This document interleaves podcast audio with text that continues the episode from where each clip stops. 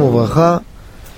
היום נלמד הלכה הקשורה לכל השנה, אבל אני רוצה לשים לה דגש לימי בין הזמנים.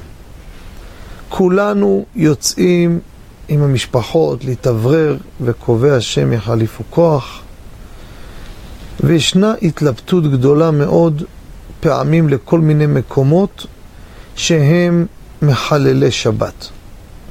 האם מותר ללכת למקומות כאלו ביום חול או אסור? מה ההלכה ומה ההנהגה הראויה ביותר איך להתנהג בדבר הזה.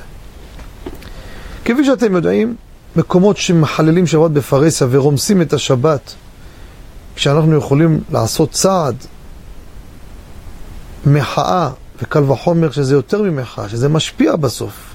המציאות מוכיחה שהרבה מקומות סוגרים בשבת, כי הם רואים שכוח הצרכני של שומרי השבת בארץ הקודש הוא כוח אדיר. וממילא פחות תהיה רמיסת השבת בפרהסיה. זה דבר גדול מאוד. אז זה כמובן מקום חלל שבת שאנחנו יכולים לא ללכת, ודאי מה השאלה הכי טוב. אבל לפעמים יש קושי, יש לחץ בבית, רוצים ללכת למקום מסוים. האם נלך או לא? מעיקר הדין הלכה יבשה, אין איסור. מותר ליהנות ביום חול במקום שהוא מחלל שבת. אני לא נהנה מתוצרת שנוצרה בשבת באיסור, שגם על זה, זה יש בזה תנאים ופרטים. אבל במקרה שאני הולך לאטרקציה מסוימת לא קשור ליצור שנוצר בשבת, זה לא נוצר בשבת.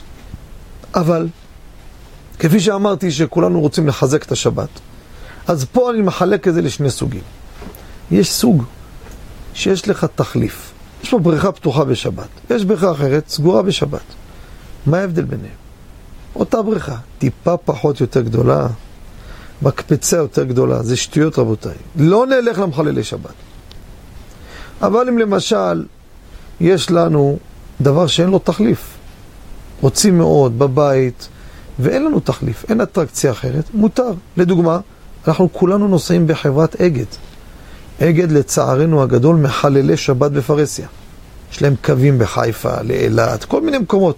מחללים שבת בפרהסיה. מה, לא ניסע באגד? נכון, סאטמר, מאה שערים, הם לא נוסעים באגד. יש להם כסף להחזיק את זה.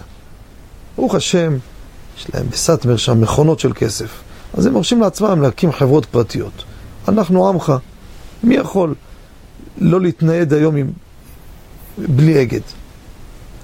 אז זה, אין לי תחליף, אין לי תחליף, אני נוסע איתם.